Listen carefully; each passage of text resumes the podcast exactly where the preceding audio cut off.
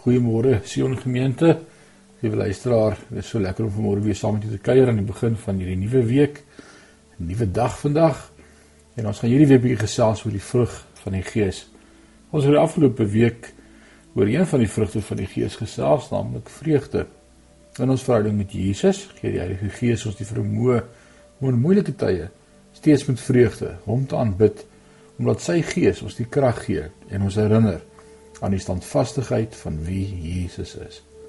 Vanoggend wil ek saam met jou kyk na die volgende belangrike vrug, na liefde as vrug van die Heilige Gees. Wanneer ons dink aan liefde, kom 1 Korintiërs 13 dadelik by 'n mens op.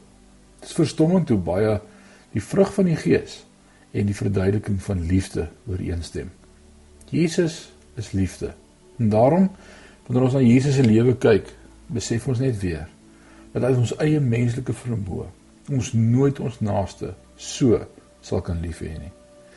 Mens doen soms dinge sonder dat ons eers die gevolge daarvan in iemand anders se lewe in ag neem. En soms weet ons baie goed dan is dit moeilik om steeds lief te hê. Dit het met Jesus ook gebeur. En tog het hy namens hulle vir die Vader gevra om hulle steeds te vergewe. En hy self ten spyte van alles wat hy moes deurmaak, sy lewe gegee.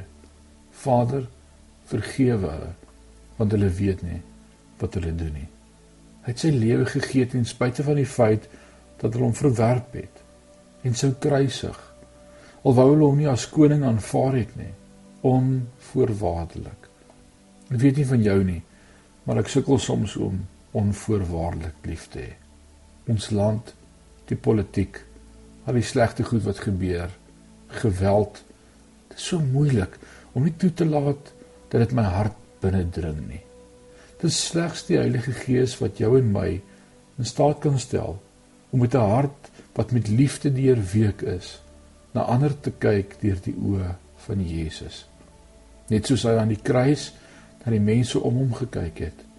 Vra die Heilige Gees om opnuut jou hart te versag, om jou te herinner en die sondelas wat hy van jou skouers afgelig het deur sy groote genade. Sy groot genade is die enigste verskil tussen my en die volgende persoon. Ons as kerk moet kan lief hê.